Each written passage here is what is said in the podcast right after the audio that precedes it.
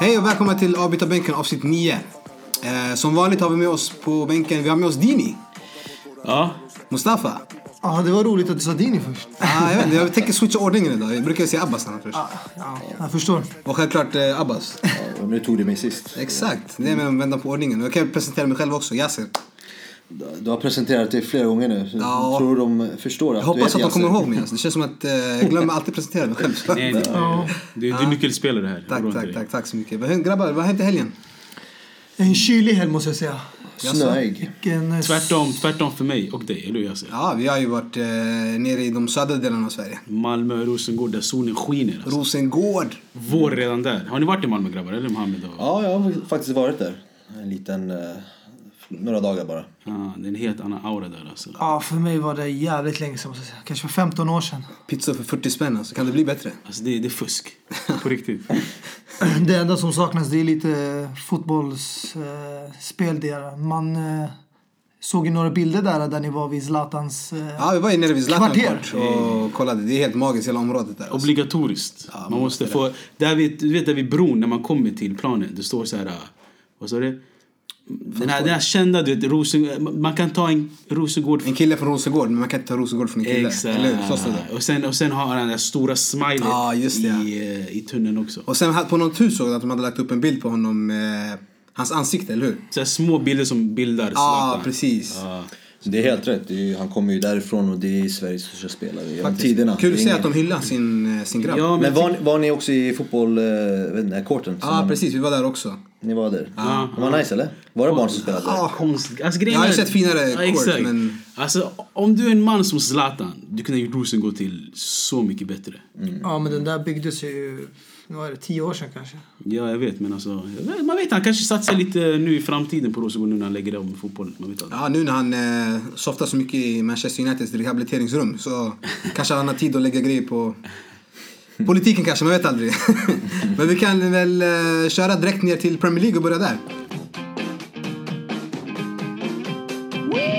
Ja, det har ju varit en ganska händelserik helg eh, nere i, på de brittiska öarna. Mustafa, du kan väl eh, berätta lite vad som hänt? Ja, jag tycker vi kan ju börja med eh, lördagen. Det var det Liverpool som spelade mot West Ham. En enkel eh, vinst för dem. Eh, ganska imponerande, men det är ingenting som förvånar mig. De fortsätter ju på samma spår där de lämnade från Champions League och i förra helgen. Så det är lite eh, avundsjuka från de andra Premier League-lagen man känner när man ser att eh, Liverpool börjar verkligen få igång det här spelet. Och eh, det verkar löna sig med köpet av Van Dijk. Och, som eh, många kritiserade i början. Mohamed Salah han fortsätter leverera och göra mål. Han ligger på 23 mål nu, ett mål bakom Harry Kane. Och in, inte bara 23 mål i Premier League. Det är 31 mål han har gjort. Eh, liksom alla liksom ligorna. Eller i Champions League och allting. Och det är eh, Su- Suarez bästa säsong i Liverpool. Eh, då gjorde han 31 mål. Och nu har eh, Mo Salah gjort 31 mål. Och har tre månader kvar. Häftigt. Men, men tror ni han är en one season wonder? Alltså, tror ni han kommer ens komma i närheten av den här nivån nästa säsong? Jag tror inte att han är en one season, one season wonder. Men han kommer absolut fortsätta leverera. Kanske inte i den här nivån. Men han kommer fortfarande, Men alltså, folk på, påstådde att Harry Kane var en one season wonder hela tiden. De bara, okej nästa säsong kommer han floppa. Okej nästa säsong kommer han floppa. Men Men eh, han är ju... för mig den stora skillnaden är att Suarez, han spelade med spelare som Sterling, som hade precis kommit upp från akademin, Flanagan och Andy Carroll. Och de hade en tränare som Brendan Rodgers som, ja, han är i Celtic nu. I en annan brittisk ö där borta i Skottland. Så det är den stora skillnaden. Alltså Mohamed Salah, han har ju ett bra lag bakom sig. Jag tycker deras mittfält, eh, Henderson, Emre Can, eh, anfallsgänget, Mané och Firmino. Det är väldigt bra lag som eh, Klopp har byggt upp. Men eh, fortfarande, de är inte det här laget som ja, kommer hela vägen till toppen och vinner titlarna. Firmino han är ju också uppe på 13 mål. Ja. I, I Premier League då. Det, Så de har ju ändå... det är imponerande av en eh, falsk nia. Han gör det som krävs av honom. Jag tror han är också väldigt en all-around-spelare. Han kommer ner långt på banan så han har ju flera uppgifter än vad en vanlig anfallare har. Han är ju världens bästa falska nia som Dini sa. Eller hur? Det kan man... eh, Alltså det finns ju inte så många falska nior i allmänhet men jag tycker han sköt den positionen galant. Men Liverpool allmänt, jag tycker de är alltså bra lag men de kan förstärka i vissa positioner. Som högerback. Jag vet inte vad som har hänt med Nathan Klein. Alltså, är han helt borta ur bilden nu eller? han är långtidsskadad tror jag. Så det ja. För jag vet inte om Trent han- Alexander-Arnold håller som den där uh, högerbackspositionen. De har använt också, vad heter han, Joe Gomez. Gomez. Mm, exakt. Men det enda jag kan tänka mig att Liverpool förstärks det är målvaktspositionen. En till mittback bredvid Virgil och eh, en till ytterback. Så är de good to go. Tror de kan konkurrera om eh, Premier League nästa säsong? Det, det tror de ju varje år. Alltså.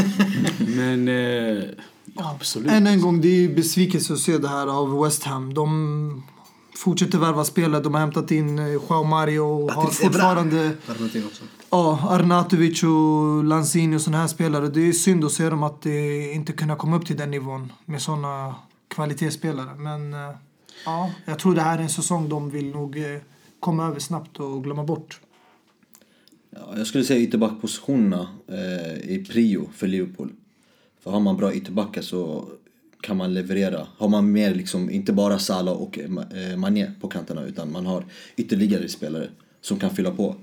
Vilket kan stärka. Men förutom det så behöver de verkligen en spelande, liksom spelförande mittfältare som kan eh, passa bollar.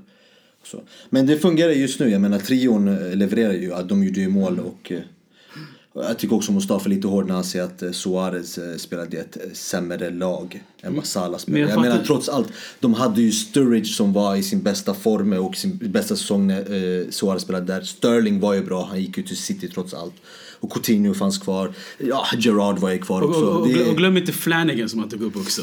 Men alltså grejen är, det, Sterling och Coutinho var ju omogna spelare den tiden. De är mycket bättre spelare idag.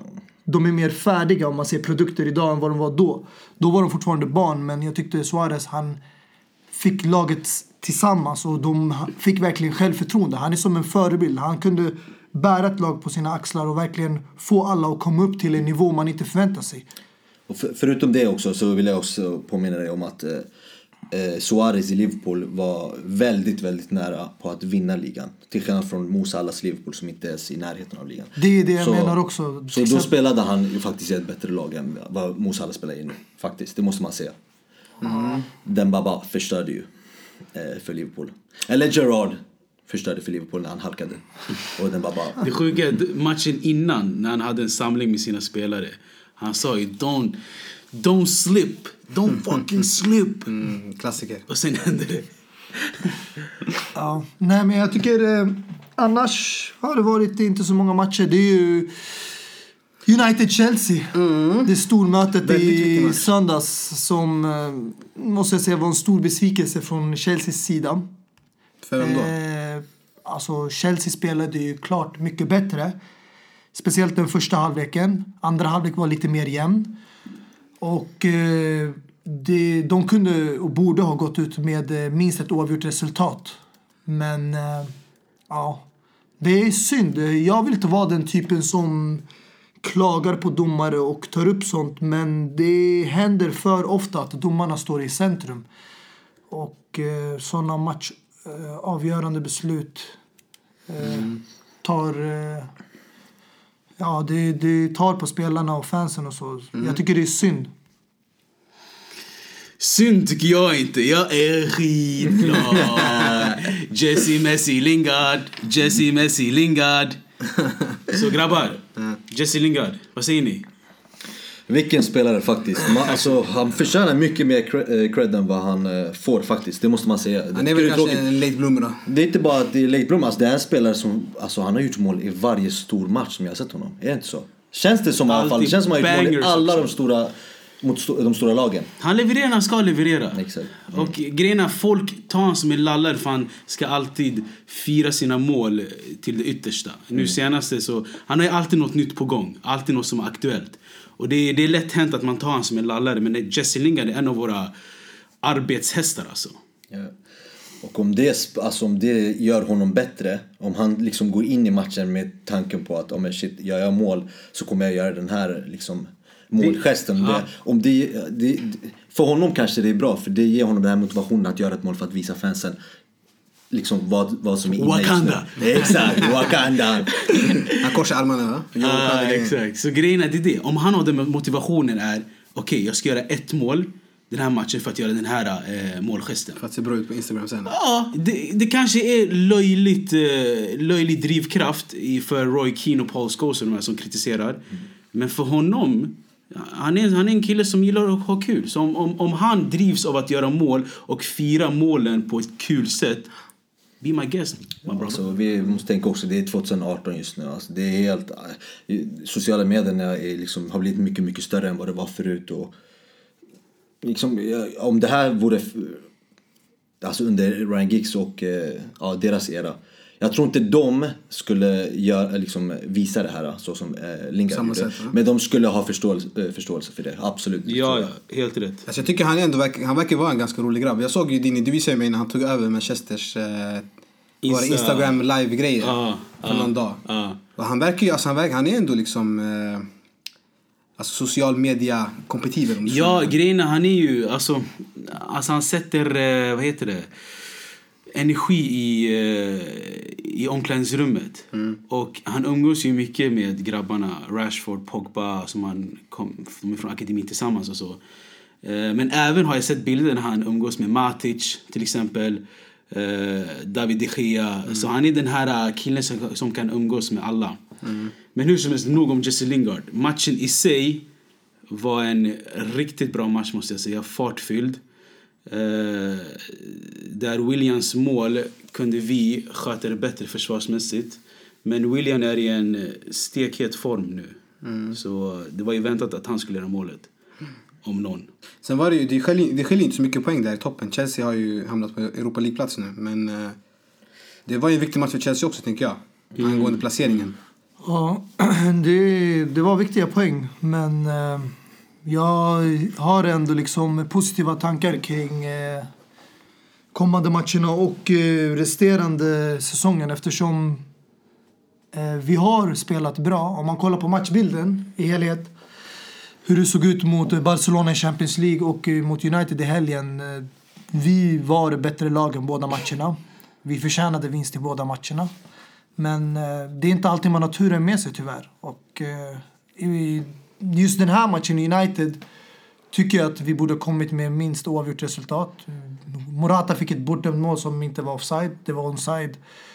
Och det var ett fint spel av han och eh, Giroud och Fabregas som eh, ja, Du, gjorde ett fin framspelning där. Men folk klagar ju på liksom, ah, Chelseas anfallare gör inte mål. Och Morata, han har ju varit skadad två månader den här säsongen. Varit borta fram och tillbaka. Så det är svårt att hitta formen när man är borta och skadebenägen. Men nu kommer han tillbaka och får spela sina första 90 minuter efter skadan. Och så tar de ett mål ifrån honom. Det är lite synd. Det tar ju på självförtroendet. Och Mustafa ser väldigt besviken du har varit en, du såg så deppig ut min broder. Vakna. Därför att jag tycker att eh, domarna hamnar alltid i centrum för ofta. ja. Och det, okej, man har infört goal line technology i England. Men jag tycker i den här moderna fotbollen som vi lever i idag där man har massa kameror överallt och eh, domarna har hjälp från inte bara eh, linjedomarna sidan men även fjärdedomare så de ska kunna göra ett mycket bättre jobb. De ska höja sin nivå. Men om jag kollar tillbaka stormatcher och tidigare, fem år, tio år tillbaka i Premier League och i Europa så känns det som att förut skedde det mindre misstag. Nu när vi har en bättre teknologi och utnyttjar så sker det mer misstag. Och domarna vill De ibland... de var mer noggrannare. f- eh, För, Ja, men det var bä- alltså bättre. Det känns som att de här dagens domare, alltså jag vet inte vad för typ av utbildning de får.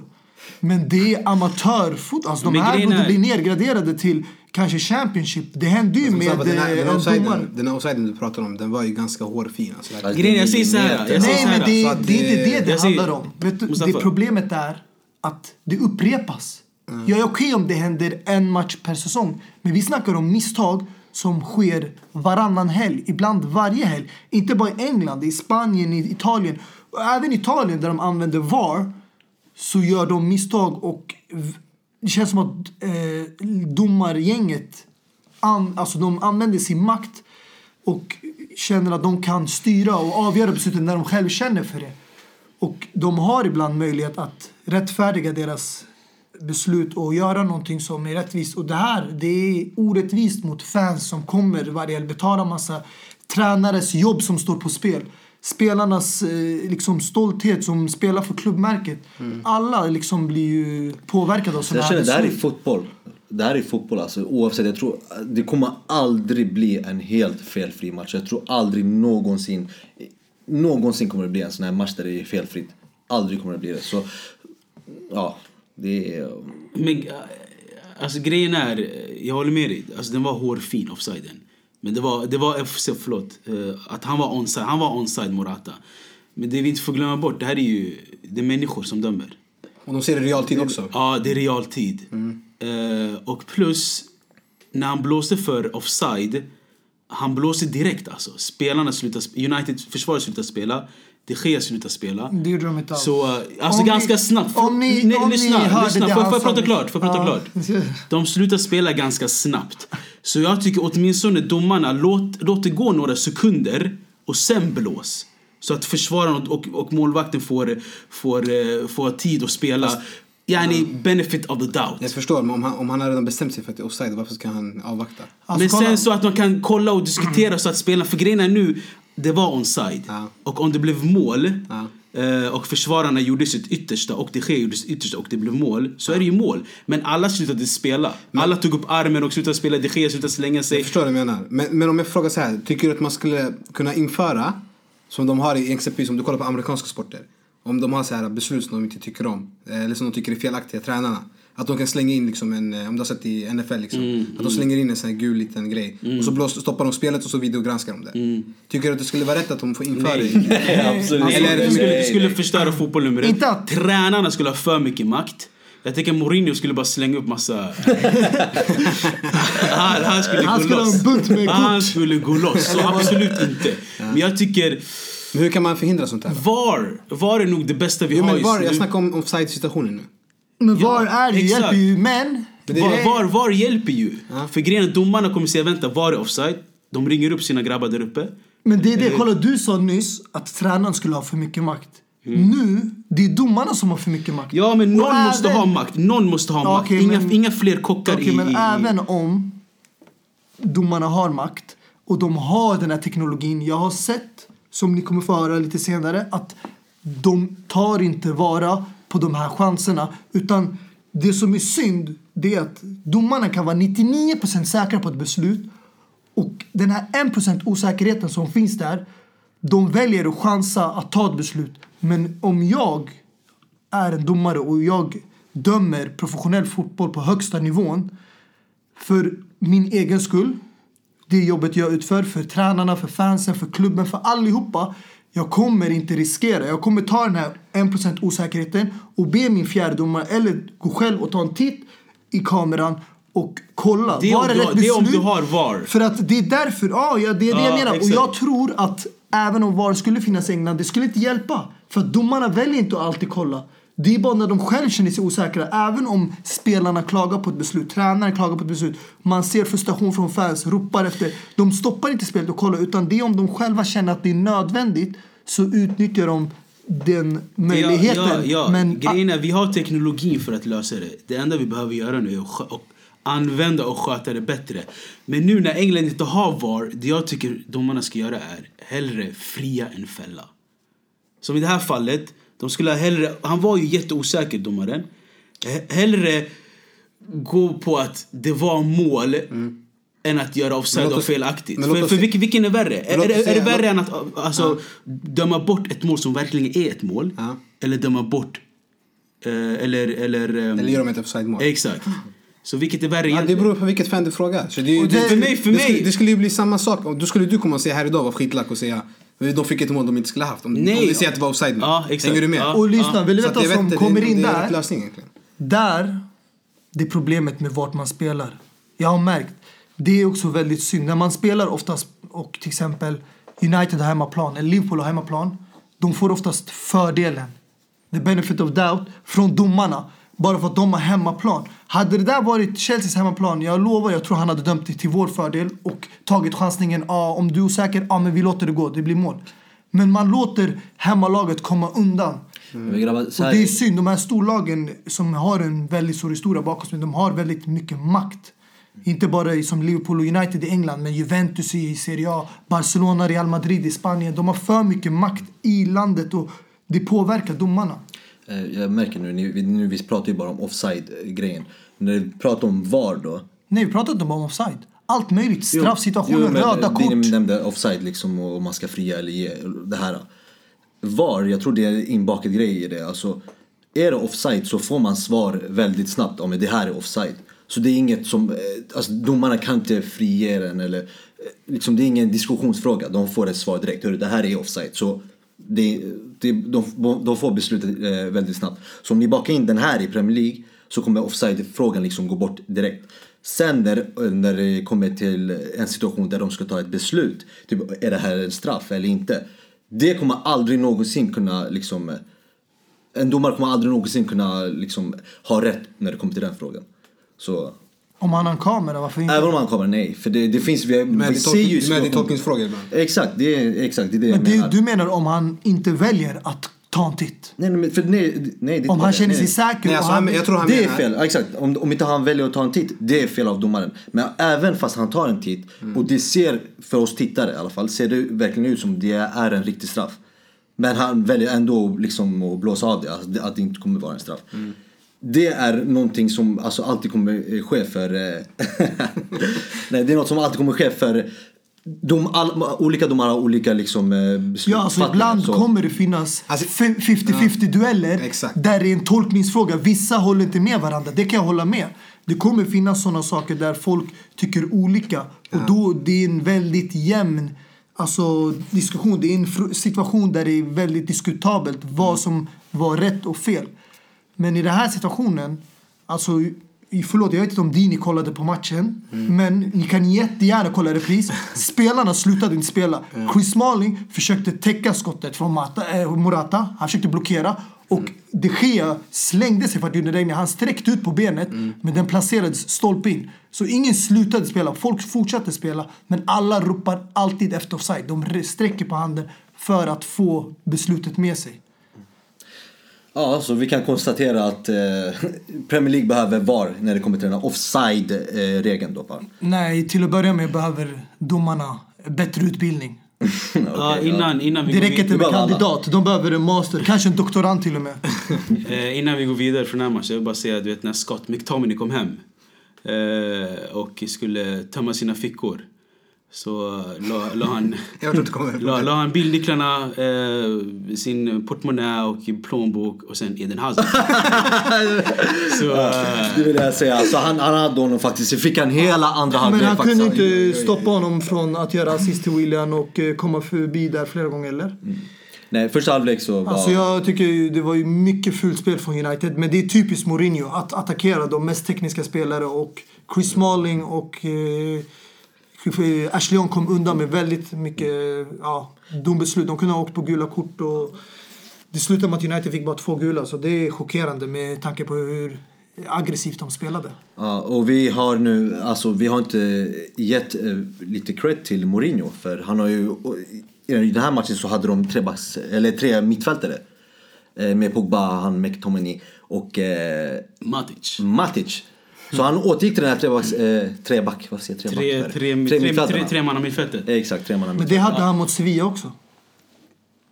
Ja, Det men hade grejen är han alltså McTominay och nej. Pogba spelade inte Det tillsammans. inte alls. Pogba spelade inte, exakt. Eh, han hade... Jag tänkte mest på Pogba, för vi pratade mycket om Pogba. Att han inte fick spela i sin rätta position. Mm. Nu, och det fick han inte heller i Sevilla-matchen. Nej, för han spelade defensivt och sprang upp. Grejen är, grejen är allmänt, om jag bara får bara säga en sista grej om matchen. Det, det var en skön vibe på hela grejen. Jag såg att, såg att Mourinho och Conte stod där och log lite mot varandra. Eh, du sig veta varför? United-tröja eller? Va? Vill du veta varför? Conte.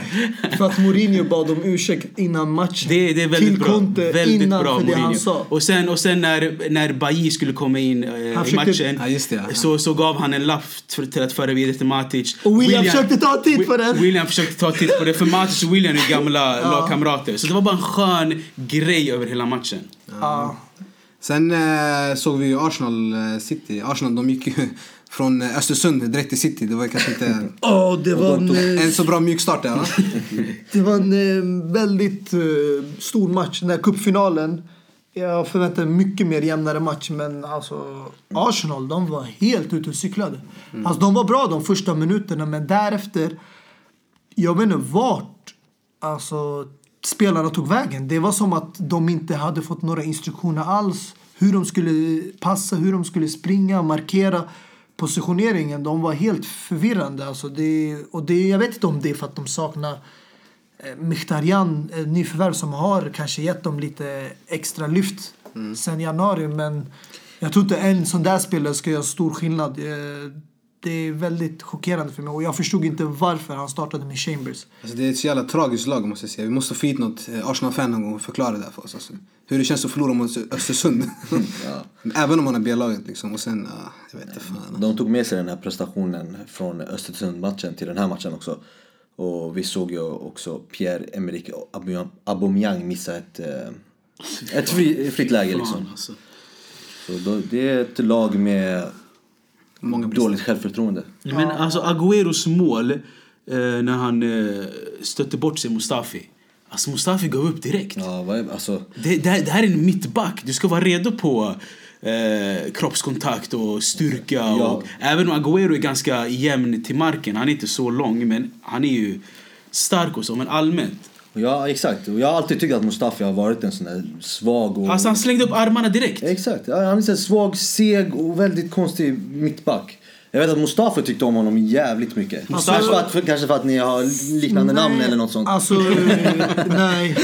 Jag går för den delen eh, nu vid namnet Ativi. Men eh, däremot, jag tror det ligger alltså, hos Wenger hur han får ut det bästa av laget. Alltså, ett bra exempel är David Luiz. När han spelade för PSG, han var väldigt dålig. Mm. Han sjönk ner till en nivå som inte ens han var i Chelsea tidigare med Mourinho och eh, när vi hade Di Matteo. Och sen blev han väldigt mycket kritiserad. Conte hämtade honom, satte honom i en position där han fick ut det bästa av honom och vi vann ligan. Jag tror det är där problemet ligger. Wenger, han har problem med att få ut det bästa för att Mustafi som jag såg i Spanien och i Valencia var mycket bättre spelare än vad han är idag. Han har inte samma självförtroende. Det är som Dini sa, han ger upp för enkelt. Och det är den där mentaliteten, den finns inte där. Och det är det spelarna behöver för att kunna Alltså som jag... ta sig an sådana motstånd. Som jag gick hårt på Inter för några, för några avsnitt sedan, när det var. När jag sa att de ska städa huset från tak till golv. Arsenal måste göra samma sak.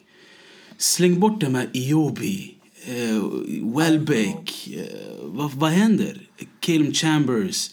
Alltså, de har jättebra offensivt nu. Nu måste de bygga neråt och uppåt. Och Spina ska bort. Chambers ska bort. Koscielny ska bort. Hela, hela försvaret ska bort alltså. Så, De måste eh, göra en eh, Man City-transfer där Ja, ja, ja. Därför Wenger måste bort. Hämta en ny tränare som vågar splasha paran. Och Men jag tror inte det är bara tränaren, jag tror det är också ägaren. ja, det där... Vad heter han? Han eh, har ju en vinstdrivande klubb. Så han tjänar ju också på det att de har en bra ekonomi och säljer spelare och köper och balanserar liksom ekonomin. Exakt, det är därför ägaren älskar Wenger. Wenger gillar att satsa ungt och billigt. Och ägaren, i min mening, tror jag inte bryr sig om ens laget vinner titlar eller om det, hur det går för dem fotbollsmässigt. Han vill bara gå plus. Så det, jag tycker det är jätteviktigt att ha en ägare som bryr sig om fotbollen och klubblaget. Klubblagets vinster. Ja, jag fastnar med mig vid att han spelade med trebackslinjen. Alltså jag fattar inte varför han gör det. Just Wenger.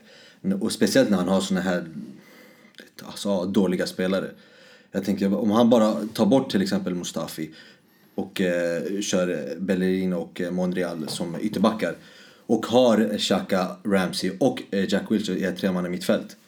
Och sen varför inte hur han vill, om han vill spela eh, Özil till höger, Emerick, eh, Aubameyang i anfallet och sen varför inte Welbeck eh, på vänsterkanten. Eller Welbeck och Aubameyang eh, med Özil bakom dem. Tycker du ens Welbeck ska få speltid? Varför inte? Han har inte fått speltid, han har fått visa någonting. Han är ju jättedålig. Ja, han, han skulle i alla fall kunna spela i den här matchen tycker jag. Alltså jag tycker inte det var fel att chansa på trebackslinjen men jag tycker han borde ha startat med Kolasinac och han borde haft Monreal som den tredje mittbacken som Chelsea använde Aspilqueta För när Monreal har spelat den här positionen då har han varit bra i en trebackslinje mittbackar. Två mittbackar funkar inte och då borde de haft Koscielny i mitten och Chambers borde inte startat. De borde haft Mustafi till en höger mittback i trebackslinjen. För Koscielny är mycket bättre med fötterna än Mustafi. Jag fattar inte varför han fick den här mittenrollen. Det var väldigt skumt. Vi pratar om vänsterbacken nu, alltså Koscielny och han Kolasinac och ja, vad hände med den där uh, unga talangen som var, kändes, för mig i alla fall kändes som han var mycket bättre än båda de här spelarna. Den här uh, Maitland Niles. Du skulle ju ha sett mot Östersund. De gjorde ju scener med honom så han fick ju ta en liten paus där. Han fick följa med honom tillbaka till Östersund. ah, Men grejen är, det var roligt att se att eh, Citys gamla goa gubbar fick göra mål. Agüero, Silva och company, de som har varit längst i klubben. Det saknades bara att Yahya Touré skulle komma in och göra fjärde målet. Så eh, det var kul att se att Silva, Agüero, speciellt company när han gjorde mål. Han var ju lyrisk alltså. jag tror City var väldigt eh, revanschsugna efter eh, fiaskot mot Wigan i FA-cupen. De kände att eh, de kan inte förlora två kupper på en och samma säsong. Så det var en eh, ja, bra comeback från dem att komma tillbaka och vinna en viktig match. Grabbar, eh, måste säga till er, det känns som att Milan är tillbaka.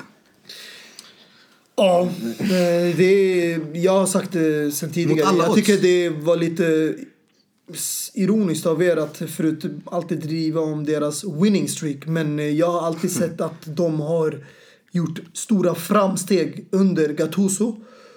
Och den här vinsten, jag skulle inte säga att det kom som en chock. För att deras form har varit väldigt ljus. Och eh, de har hittat ett sätt att spela på. Och även om de inte har jättebra individuella spelare som sticker ut så tycker jag ändå att de spelar mer som ett lag. Och det är det som har gjort att de har blivit mer kompakta där bak. Och mm. de hittar också ett sätt att anfalla på med sina offensiva spelare som de har. Kalangula, han var ju lite skadad i början. Så. Ja men det är det jag, vi nämnde Gattuso vad han har eh, liksom implementerat i, i Milan och det, det är den här grintan och inställningen som han har fört vidare till sina spelare. Jag menar, eh, ja alltså han har fått sina spelare att eh, liksom de sliter, de springer, de filmar, klagar liksom. De, eh, de gör allt. Filmar. Va? Det, de filmar. De, ja, de gör ju det. Filmar. Cotrone har vi all, de här italienska eh, spelarna i Milan. Fortsätt. Och även de andra. De filmar jättemycket. Och du vet lite av det här eh, italienska eh, liksom, spelidén som liksom italienare brukar ha. Att man sliter mycket och sen Just Gattuso när vi pratar om honom, det är det han har fått. Men förut, när man tar, tar liksom med allt det här så har de även Liksom de spelar för varandra. Det är det han har, Gattu- Gattuso har fått Milan att göra. Och när man har det, så, alltså kvaliteten väger inte mer då när man har inställningen. Och sen måste vi också nämna att Roma har liksom, eh, deras form är absolut inte bra. Och eh, deras backar i Manolas och Fazio var ju riktigt, riktigt dåliga. Mm. Men Abbas, om jag säger eh, sju poäng, vad säger du då? Jag ser sju poäng, fyra poäng efter helgen. Nej, alltså, jag, Ja, tänker, han jag, tänker, jag menar tänker ju- mer sju poäng bakom Inter. Ja, han det blir menar fyra ju poäng efter helgen. Jaha, du tänker på derbyt? Yes. Okej. Och Jag kan, se, jag kan se nu. Fyra poäng för... Ja, jag kan se helt, jag kan se helt ärligt nu. Jag ser inte fram emot det här derbyt. Mm. Specie, speciellt när eh, Inter inte är bra. Speciellt när vi mötte Benevento så kändes det... Ja, ex- Va? Mittbackarna briljerade. Alltså. De gjorde det exakt. Om inte vi hade Skriniar så skulle... ah, jag vet inte vad som skulle hända. Men eh, det kändes som att Benevento var det laget som kämpade för Champions League och Inter för bottenstriden. Men eh, det som Inter visade, det hoppas jag inte att de... Eh, jag hoppas inte de spelar sådär mot Milan och eh, det är något som jag tror de kommer göra. Och förutom det, jag förlitar mig bara på Icardi och att det är han som bär laget och det är han som ska göra allting. Han har nu inte spelat i över en månad. Har inte match, eh, liksom, matchtempo och form i sig. Så Men du måste ändå säga att Benevento förtjänade att komma med eh, alla, åtminstone ett poäng. Om man kollar på matchbilden hur det såg ut första halvlek, andra halvlek. De var väldigt bra och för att spela på bortaplan och vara det laget som har, ligger längst ner på botten av tabellen så gjorde de väldigt bra. Jag hade Jag ju faktiskt ingenting annat för mig lördag kväll. Så jag passade på att kolla på Inter Benevento. Barca spelar du samtidigt, varför kollar du inte på den matchen? Ja, men Barcelona, det, man vet alltid att det kommer bli en vinst. Det är sant. Men sådana här lag, man kan bli lite chockad. Det kan komma lite sådär, äh, du vet skrällar. Du, Men grejen är alltså, eh, kan vi bara gå tillbaka till Milan-Roma bara igen eller? Absolut. Eller är vi klara Jag, med- jag tycker att, eh, För det var en eh, sån fin match. ja. Och jag ville bara tillägga att det är chockerande att även om de har köpt så mycket spelare under sommaren så är det inte de som spelar och startar. Till exempel Silva. Kalinic och André Silva. Utan det är Cotrone i anfallet. Och det visar att de vågar satsa på andra spelare. Även om de har spenderat pengar på andra. Så det är en stor risk Gattuso tar. För att förväntningarna blir okej men vi har lagt de här pengarna på till exempel för mig Kalinic är en spelare som är rutinerad. Han är Eh, erfaren och har spelat också mycket i Serie A i Fiorentina. Så han har det här eh, han känner igen lagen och motståndarna och han vet hur man ska spela mot dem. Men ändå tar de de här chansningarna och det Alltså jag känner det, alltså äntligen det är kul att kolla på Milan igen alltså. Jag kan bara sätta på tvn och kolla på Milan. Och... kul är det Ja, det, inte, det, men, det, är skit, det är skitkul. Jag kan kolla på Milan Sassuolo, jag kan kolla på Milan på Sampdoria. Jag kan kolla... För Gattuso är en sån härlig människa. Alltså. Jag tycker Cotrone ska få chans i italienska landslaget. Jag tycker Suso ska få chans i spanska landslaget. Och eh, för grejen är, det är så mycket mer än matchen i sig. Det är det, är det här skitsnacket vid sidlinjen. Jag vet inte, någon, eh, Kolarov och Gattuso höll på och hade lite Det var en het diskussion där, ordväxlingar. Eh, Alltså om jag får översätta på italienska där Gattuso sa på engelska då. Han sa Go on or I kick your ass. Move. För, för Kolarov höll på... Det tog tid för att, att, ta eh, Inkastet. inkastet. Så det, det är såna, det är som att kolla på en film alltså. Det är mycket som händer. Så det är... Men de eh, löste Kul. det vid halvlek och kramade och pussades. Exakt. Du ser, det är, det är thriller, det är drama, det Det är är- action, det är komedi. Det är, Vem, det vem är hade så kul trott att kolla det på skulle se ut så Milan. här vid årsskiftet också? Ja, faktiskt. Men eh, man måste säga det, det är en passionerad eh, Gattuso med Mm. mycket kärlek och vilja och han har den här, eh, han sätter skräck i spelaren så att de får det det. verkligen ut det bästa. Om vi kollar lite i toppen då. Vi såg att Juves match blev uppskjuten. Men eh, Napoli håller på att spela as we speak faktiskt. Vad- spelar in vad- står det? Det står 2-0 faktiskt. Eh. Callejon och Mertens Ah, fan, det var ju synd. Eh, Den matchen hade man velat se. Men uh, får ta och Du får kolla offra det tyvärr. höjdpunkterna istället. Men eh, de ligger ju, om de vinner då har de 69 poäng. Mm. Och Juve 65 med en match mindre spelad då. Så de, de ligger ju i alla fall i topp där, även om Juve vinner. ja, och, Och eh, det här har ju varit deras stora mål hela säsongen, att vinna ligan. Jag tror, tror ni? eh, vi kommer få se en ny sida av inte bara Napoli men även Lazio. Som tog en eh, viktig seger också i helgen. Det var en händelserik match där det blev ett eh, hektisk situation där eh, vid, mot slutet. Eh, där det blev bråk och så. Och, eh, två spelare åkte ut på ett rött kort direkt. Utvisningar. Det var Berardi, tror jag det var, från Sassuolo och så var det högerytten i Lazio, Mauricio. Mauricio, ja. Marusic. Så det, det visar ännu en gång att eh, ja, de här eh, har vad som krävs för att ta en Champions League-plats. Och eh, de har ju haft lite upp och ner form nu under februari månad men jag är väldigt imponerad av deras mittfältare Sergej Milinkovic. En väldigt eftertraktad spelare, inte bara i Italien utan det. i Europa. Eftersom förra året var det inte så att han var en synlig spelare att man lade märke till honom. Men han har verkligen exploderat den här säsongen. Och eh, det är som Dini säger, vissa spelare är one season men vi får ju se om det fortsätter på samma spår. Det, det ska bli intressant att följa honom. Ja, vi tänkte, jag tänkte bara nämna Napoli. Eh, det, det går ju spikrakt uppåt för dem. Eh, då vill jag bara säga att eh, jag tror Milan kommer vinna över Inter i derbyt. Men matchen efter det så kommer Inter möta Napoli. Och då tror jag att det kommer vara över för Napoli. Jag tror inte det kommer vinna den matchen. Matchen alltså direkt efter som det... Efter, efter Milan, så Ah. kommer, efter liksom Inter, Inter så kommer Inter möta Napoli. Tuff spelschema. Ja, och då tror jag att Inter vinner och det kommer vara slutet för eh, Napoli. Om, om inte Juventus eh, sjabblar bort sin vinst då. Men du är, övert, du är övertygad om att eh, Milan kommer vinna mot Inter? Inte helt övertygad, men som, jag, som det ser ut nu, det ser absolut inte ljust ut. Speciellt när det kommer till spelet. Men jag tänker som sagt främst på Icardi. Vår eh, största stjärna och det är den, han som gör skillnaden. Han har inte spelat på över en månad. Har ingen, liksom, ingen matchtempo i kroppen. Liksom, ska han komma nu från ingenstans och bara starta i ett derby? Det, det är derby, för grejen är när det är derby, alla lägger sina grejer åt sidan och spelar som det här var sista matchen i sitt liv.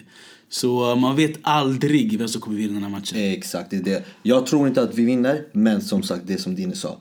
Det är derby och vad som, alltså även om vi hade Serie C-spelare, det spelar ingen roll. Vi skulle fortfarande kunna vinna den matchen. Exakt, det är så Vi får bara hoppas att det är en eh, rättvis match. Fair play och inte att Det hoppas jag. domarna står i centrum som eh, det hände även i Italien. Milan-Roma där Roma kunde ha fått en straff. Då skulle matchbilden sett annorlunda ut. Benevento kunde fått straff mot Inter. Mustafa han älskar eh, liksom, Men, kontroversiella situationer. Hans, hans, Trots- smek, hans smeknamn är ju VAR. Så. Ja, trots VAR och kamerorna så hjälper det ändå inte domarna. Utan eh, de väljer ju att vända blicken och fortsätta med matchen. Utan de, när de känner behovet av att använda sig av det systemet. Alltså jag, jag kan ge dig ett gott råd. Jag har kompisar som går en domarutbildning.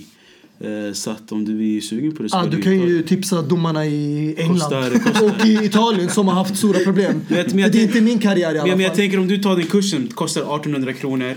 Eh, tre dagar så kan du kanske konkurrera Nej, med Ma- mitt Martin jobb- Atkinson och de här och bestämma när det ska vara offside och inte offside. Nej, det skulle vara kul att se Mustafa springer runt där. Det var den rättvisaste domaren i hela Premier League. Tyvärr är mitt jobb att sitta snackar. här och analysera tränarna, spelarna och domarnas jobb. domarna Inte bara dem, utan alla innanför planen. Och sen vad de är utanför planen, det är deras egen grej. Men jag vill att alla försöker åtminstone göra sitt bästa så att fansen är glada, spelarna, tränarna och alla i klubben. För domarna vill ju inte heller bli attackerade.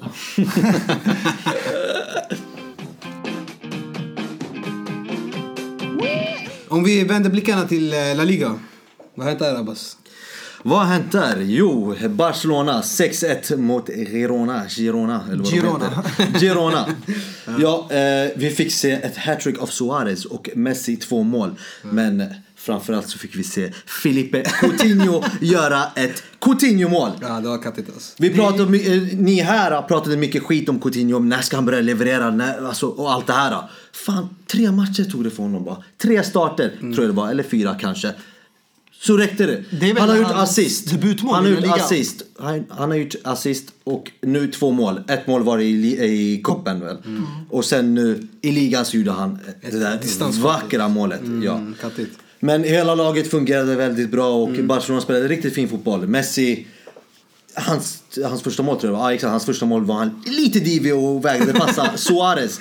Men det är ju Messi och det får han göra och det resulterar ju i mål. Ja, Suarez fick ju ändå göra tre mål så att det Exakt. jämnade ut sig. Ja, fan vad jag älskar den här kärleken han alltid visat till, eh, till Coutinho. Alltid såhär pussar hit och dit. Men det är ju jag gillar det där. Före detta, Familj. före detta lagkamrater. Ja. Ja. ja. Den är, den är Det fin. intressant. Så vad tycker vi nu om Coutinho grabbar? Jag har alltid sagt att han håller. Jag ville, bara, jag ville, sa- jag ville, jag ville ge han tid sa jag. Det var det jag sa. Uh, Mustafa, För mig, du som... eh, det handlar ju om de stora matcherna. Det här var ett eh, tyvärr enkelt motstånd. Okej, de har imponerat lite grann i La Liga där. Jag tror det kanske är deras första säsong där. nionde Men ja, det är det. De har ju imponerat och spelat bra. Men eh, jag tror det som gjorde det enkelt för Barca också, det var att eh, Girona är ett lag som vågar spela och gå framåt. Så många andra lag i. Och jag tror de flesta av oss förväntar sig en eh, ja, seger av Barcelona. Och sen att de vinner med stor marginal inte heller första gången de gör det på Camp Nou. Men det var en fin uppvisning av eh, spelarna för fansen och eh, för eh, turisterna där på Camp Nou. Som det brukar oftast vara. Och eh, ja, som du säger, det är ett typiskt Coutinho-mål. Men jag vill se det här också när de möter nästa helg till exempel Atletico. Ja. Men Ja men du tänkte stormatcherna. Hittills har han gjort det helt okej från mitt perspektiv. Sen kanske vissa förväntar sig mer, vissa förväntar sig mindre. Alla har ju ja, olika synvinklar på hur Coutinho ska komma in i laget och göra det. du, du nämnde att han borde göra det här mot storklubbar. La Liga, storklubbar. Jag ser bara Real Madrid där och Valencia, kanske för dig? Då tänker jag kuppen där han gjorde mål mot. Valencia på bortaplan. Så det är väl stort va, tycker jag. Men förutom det, helt ärlig fråga till dig nu Mustafa. Om Coutinho skulle spela mot er, var med i matchen mot eh, Chelsea. Du skulle, du skulle, tycka, skulle du tycka om det eller? Alltså du menar matchen mot United eller? Nej, han, jag tror han Champions menar... League, Champions League. Om han fick spela Aha, i aha, Champions aha, League mot. Chelsea, för han, fick, han var ju inte med i Ja, Om jag Champions ska vara helt ärlig, jag tror inte det skulle göra så stor skillnad. Därför att Men Coutinho har inte hunnit kommit in i det här laget. Och Mm, eh, vems plats skulle han ta då? Rakitic, Paulinho? Om han spelar Paulinho, då blir de mycket mer offensiva. Det skulle bli lättare för Chelsea att göra mål på Barcelona. För de balanserade spelet med eh, fyra mittfältare. Paulinho, Mm. Iniesta, Rakitic och Busquets. Men om du säger till mig Coutinho och sån spelare som han var i Liverpool, då skulle det vara mycket större hot. Men just nu han har inte kommit in i det laget för att bli den här nyckelspelaren. En av de viktigaste och bra spelarna. Så det skulle inte vara en större skillnad. Jag tror det skulle vara kanske till och med sämre. Ah, det, tror, det tror inte jag. Och eh, helt ärligt, eh, väldigt opartiskt just nu. Vi, ni- vi nämnde ju också i förra podden att eh, i Barcelona så fanns det bara Messi och eh, Suarez som försökte någonting. Tänk om ni hade en till spelare som också kan försöka och luckra upp försvar och allt det här. Då tror jag att det skulle bli mycket bättre. Faktiskt, det är min, min grej. Det Då skulle han ha startat Men mot Valencia. andra sidan, å andra sidan så kanske det skulle bli lite, lite, för, eh, lite för offensivt så att säga. Och då skulle ni få mycket fler kontringslägen. Men ba- att Barca skulle spela bättre, det tror jag med Coutinho. Alltså jag, jag vill vända blicken mot en annan spelare. Osman Dembele, som fick spela 90 minuter. Varför fick han inte göra mål? Ja, det känns som att, eh, som jag sagt tidigare också, Dembele, det känns som att han är en, alltså, en fett bra spelare, men jag vet inte om han passar in i det här laget alltså. Men han, som sagt grabbar, ni... Han gjorde en assist måste- i alla fall. Exakt. Han är en han gjorde assist, en jo, men alltså, det här var ju lekstugan den här matchen. Men Jag du måste också vara lite äh, schysst mot honom. Killen har precis kommit tillbaka från en skada och han har haft en skadebenägen säsong. Och han har inte fått en rad matcher där han har hunnit spela kanske fem, sex matcher och komma i den här formen. Och det är samma sak med Coutinho. Han har inte kunnat komma in i det här laget Barcelona för att han ska förbättra dem och starta stormatcher som Valencia och såna här kuppen. Och det är nästa vecka möter de Atletico och där får vi se om han är en av de namnen som hamnar på pappret först. Hoppas det. Alltså jag, ja, okej. ja, nej, jag håller med dig när du säger att Dembele behöver tid och så. Och man, kan, man ska inte döma honom och allt det här, liksom hela grejen. Men sen vänder du det till Coutinho och säger men jag vill se honom göra det mot storklubbarna. Men Varför kan inte du säga samma sak? Så som du, när, du sa, när du sa det till Dembele borde du säga samma sak till Coutinho. Ge honom också mer tid. För han har mycket mer att bevisa. Men det- istället, För, det- att- istället för att vara liksom, han har inte bevisat någonting än. Grejen är, när, när en spelare kommer tillbaka från en långtidsskada så har de en tendens att vara lite mer rädda. Mm, jo. Och det är, jag vet inte om du har varit skadad någon gång i din fotbollskarriär. Eller, eh, jag vet inte, men jag, jag har inte varit skadad själv. Så här långtidsskadad och så. Så eh, jag kan tänka mig att man, man är rädd för att bli skadad igen. Så man spelar inte till, till 100%. Så det tar tid att ställa in sig mentalt att man är fullt frisk. Jag Jag, jag med. tänker väl lite på hans beslut han tar känns det som. I spelet. Det är det jag menar med att han inte passar in. Ibland. Men det kanske, han är ju fortfarande ung, han kan ju fortfarande ändras. Men det han, det- han, alltså- kommer, han kommer ju för stora pengar också. Alltså grejen med Barca är, det, det är svårt att vara sig själv om man säger så. Du måste passa in i tiki-taka och Barca och hit och dit. Neymar lyckades ju. Ja, men Neymar, de begränsade Neymar också lite. För han var ju tvungen att pass and move, pass and move. Så varje gång han kladdade lite på bollen så klagade folk. Så eh, praktexempel är Zlatan Ibrahimovic. Han fick ju inte vara Zlatan Ibrahimovic i, i, i, i Barca. Det är som ett träd. Roten är Messi och grenarna bygger på honom. Du måste vara en gren som passar i- Nej, in. En av löven. nej, nej. Roten är Johan Cruyff. Jo, men du Och tänker på fotbollen. Nu Är, tänker det, jag... det är han som har byggt upp Jo, Barca. men jag tänker på spelarna.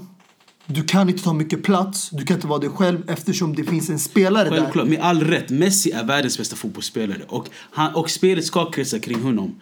Absolut. Men det jag försöker säga är Barca är ett lag du ska komma till och jag ska vara lite grov här och säga det, men du ska göra bort din själ lite.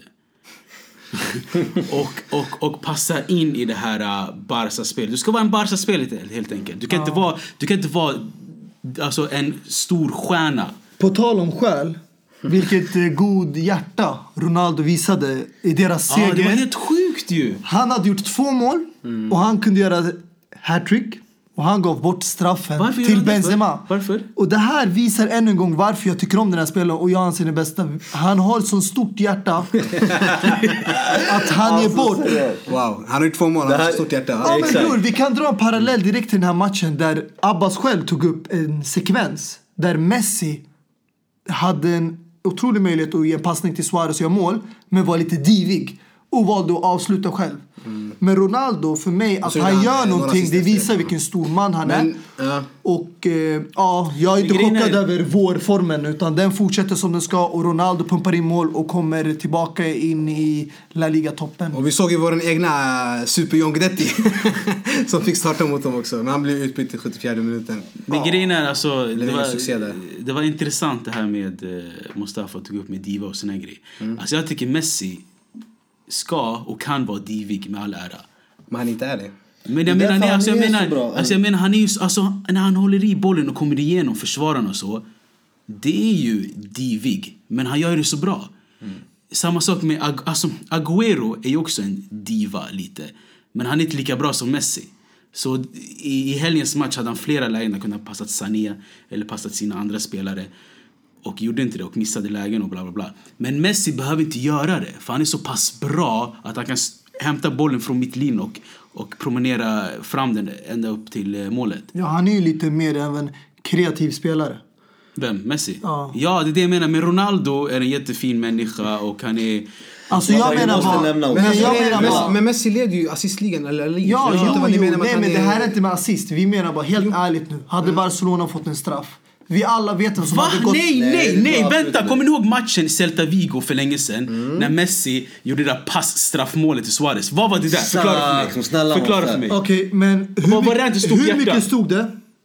Jag vet inte, 4-5-1 eller något Ja, exakt. Det var stora siffror och Messi hade redan gjort ett par antal mål mer. Jag tror han hade gjort Men alltså- hattrick alltså, Men. Ronaldo har gjort två mål nu också. Jag ska bara Alltså, vänta, om, om, om du seriöst alltså, Okej. säger att, Lyssna, för att Messi är första- en större diva än Cristiano Ronaldo. Okej, inte vänta. du- För det första, det där var en straffvariant. Han gav inte bort straff. De testade någonting som de hade gjort på träningarna som var roligt och fint att se. Av han passade, och jag tror egentligen, om jag minns rätt, det var menat för Neymar. Den där passen. Ja, straff. kan men vara. Suarez Men tog det, den. men du tar inte och bort kom att Messi passade straff. Men fortfarande, Vad vi snackar om att ge bort Jag fattar inte heller alltså. Det... Lyssna grabbar, jag vill bara konstatera också en grej när du nämner det här Det är synd att ni ska ta att man bort ger det bort straffen. fina av det Ronaldo gjorde i helgen. När du nämnde att man ger bort straffen. Alltså seriöst. Benzema, alltså vad är det för spelare? När har han ens fått göra mål? Och ska det verkligen ta så här lång tid? Han snubben har gått under jorden alltså, så här lång tid till att nu så ger han honom en straff. Kunde inte han gjort det eh, några matcher, eller ett helt år innan? Om det tog så här lång rätt- tid och nu fick han ta en straff. Om jag minns rätt, det var du som försvarade Benzema när jag och Dini sa att den här Att han killen här är så dålig. Nej men jag har inte sagt att han är dålig. Men han är ju jävligt dålig. Han, det var så lång tid att han gjorde mål att vadå man måste börja ge honom straffar. Killen kan inte göra spelmål. Det är ingen dålig spelare. Han har spelat dåligt. Men det är ingen dålig spelare. Det men, eh, menar med det. Och han har inte fått, eh, han, det är på grund av att han inte fått göra mål. Och det har gått så lång tid. Alltså det har tagit så lång tid. Inte att han har varit, att, att han inte har gjort mål. Jag menar bara att han, det är en, det är en anfallare. Normalt sett gör en anfallare många mål. Han gör inte mål. Och nu när han har varit liksom, eh, inte gjort mål på ett tag så borde Alltså det är ingen snack om saken. Jag tycker fortfarande att man ska ge den till ett annat lag om man vill få eh, bra lagmoral och om man vill eh, liksom komma... Ja, men det är det. det är, han kommer tyvärr bytas ut nu i sommaren. Jag ser ingen annan lösning. Han har fått för mycket alltså, chanser att bevisa sig. Och även förra helgen, när de mötte, jag vet inte, det var Leganes borta. Så startade inte ens Bale och Ronaldo. De var på bänken. Och de startade Asensio och Vasquez. Och Benzema var där uppe på toppen.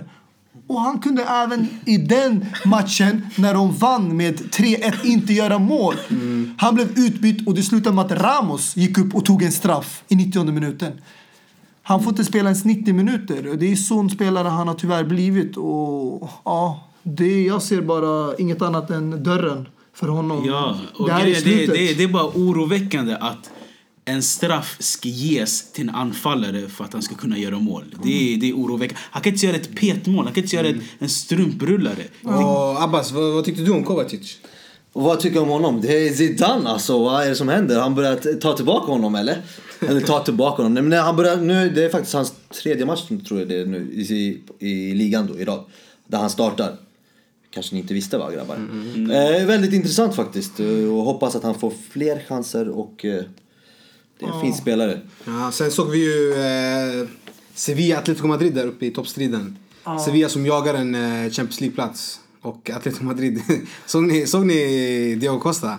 Ja, där har du en eh, Där har du en man av hjärta alltså. striker I, alltså, som... I en minut i en minut så är han inblandad i att han bråkar med båda mittbackarna. Vet du vad det är för spelare? Riskerar att få ett rött kort. Det kostar, det, Det riskerar att få ett rött kort och sedan ge mål. I samma minut alltså. Diego Costa i nötskal. Det är Diego Costa i ett nötskal. Men det är en sån typ av spelare Diego Costa. Alltså, han sporras av att eh, vara aggressiv. Alltså när han är aggressiv och eh, kommer in i dueller och det. Det gör honom mycket bättre och han sporras av det. Och sen Ha- samtidigt en- sänker det, försvararnas självförtroende. Han får dem att bli frustrerade. Ja. De blir ju lite irriterade för att de förlorar dueller, små dueller och sen går små beslut emot dem och han vinner ju på det. Men det är, det är risky att ha en sån här anfallare. Det är kul, han är skön, han är karaktär och så. Men det är jävligt risky för en tränare att ha en sån här fotbollsspelare. Och jag tycker det är väldigt skumt att han...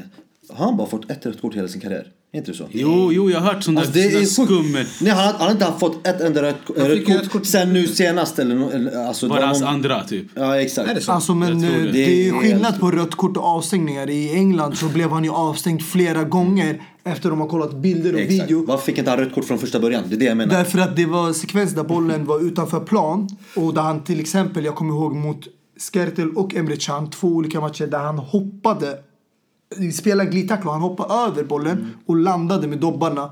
Det kan ha varit med, det kan ha varit omedvetet men efter så fick han tre matchers avstängning. Så för mig spelar det ingen roll om du får rött kort på plan eller därefter. Det är avstängning. Och sen men- ska ju Barca ska ju möta Atletico Madrid ganska snart. Och det skiljer ju bara sju poäng just nu. Så La Liga kanske inte är dött än. Och då Men, måste ni också eh, akta er för eh, Griezmann. för eh, han gjorde ju hattrick om inte ni visste det va? Och det, han, han är på gång nu faktiskt. Han har inte haft ett lika bra år som han har haft i de tidigare säsongerna. Men nu känns det som att eh, det vänder och... Eh, Jag tror han är väldigt lycklig över att ha en anfallspartner som Diego Costa. Det är en, jag tror det är en anfallare som vilket lag i världen skulle vilja ha. Ja, För att det är mer. inte, okej han är den här lilla aggressiva, han hamnar oftast i bråk och sånt. Men han är så passionerad och han verkligen brinner för den här sporten. Det är inte som andra spelare och han verkligen kämpar för hela laget och tränaren. Och det är därför man njuter av att spela med honom. Men på samma, eh, på samma gång så är det jättejobbigt för försvarare att spela emot honom. Alltså mer av såna här karaktärer i fotbollsvärlden. Diego Costa, mer av Diego Costa. Jag älskar sånt där. ja, jag håller med. 100%. Och jag tycker det är chockerande att se Sevilla som spelade så bra mot United under veckan i Champions League eh, förlora eh, så här stort på hemmaplan. Eftersom fin prestation så sjunker de till den här nivån och det visar lite kanske brister på Montella som fick sparken i Milan. Varför han inte håller den här klassen. Men, men, jag- men jag säger det igen, Champions League och inhemska ligor är två, två olika grejer. För Champions League kan du sätta all fokus på just den matchen och det, det var det Sevilla gjorde mot United. Men här kommer det här tan- tänket att ej, vi ska spela ligan igen. Så man blev lite mer avslappnad. Men ändå så 5-2. Jag vet, det på var, hemmaplan. Ja, det, Det var oroväckande, det var oroväckande siffror. Men eh, Champions League och ligan är två olika grejer. Och där, där ko- kommer liksom tränarens... Alltså där är det väldigt viktigt för tränaren att eh, sätta motivation på, eh, på spelarna. För i och med att man spelar så många matcher så behöver man mot- motivation. Och där borde tränaren komma in.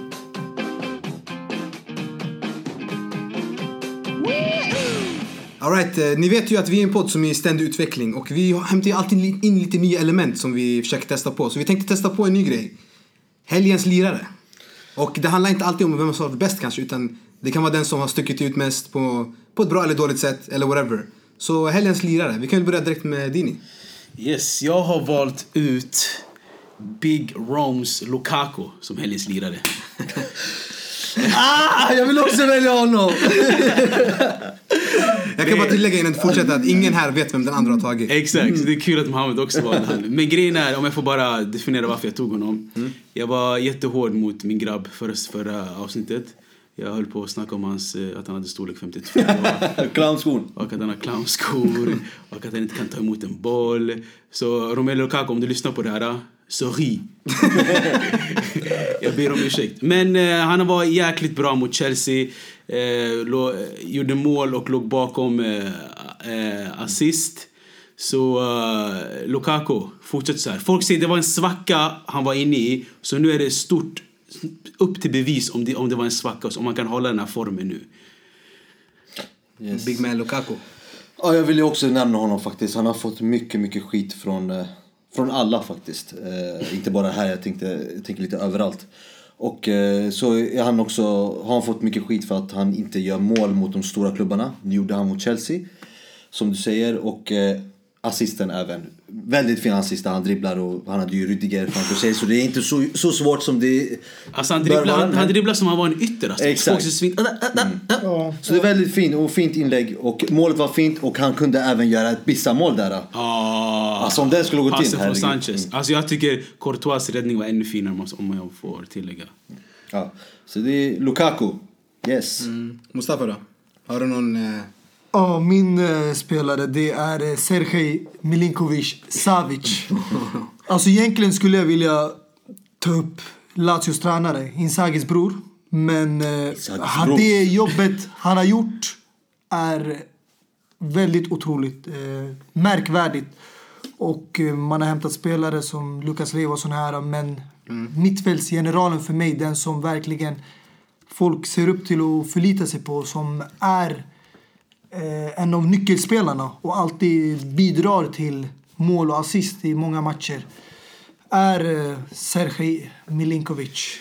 Och eh, han eh, ja, har en ljus framtid framför sig med åldern och det laget han spelar. Och jag tror att eh, det blir ingen långvarig tid för honom i Lazio. Utan jag tror snart kommer en stor klubb och knacka på dörren.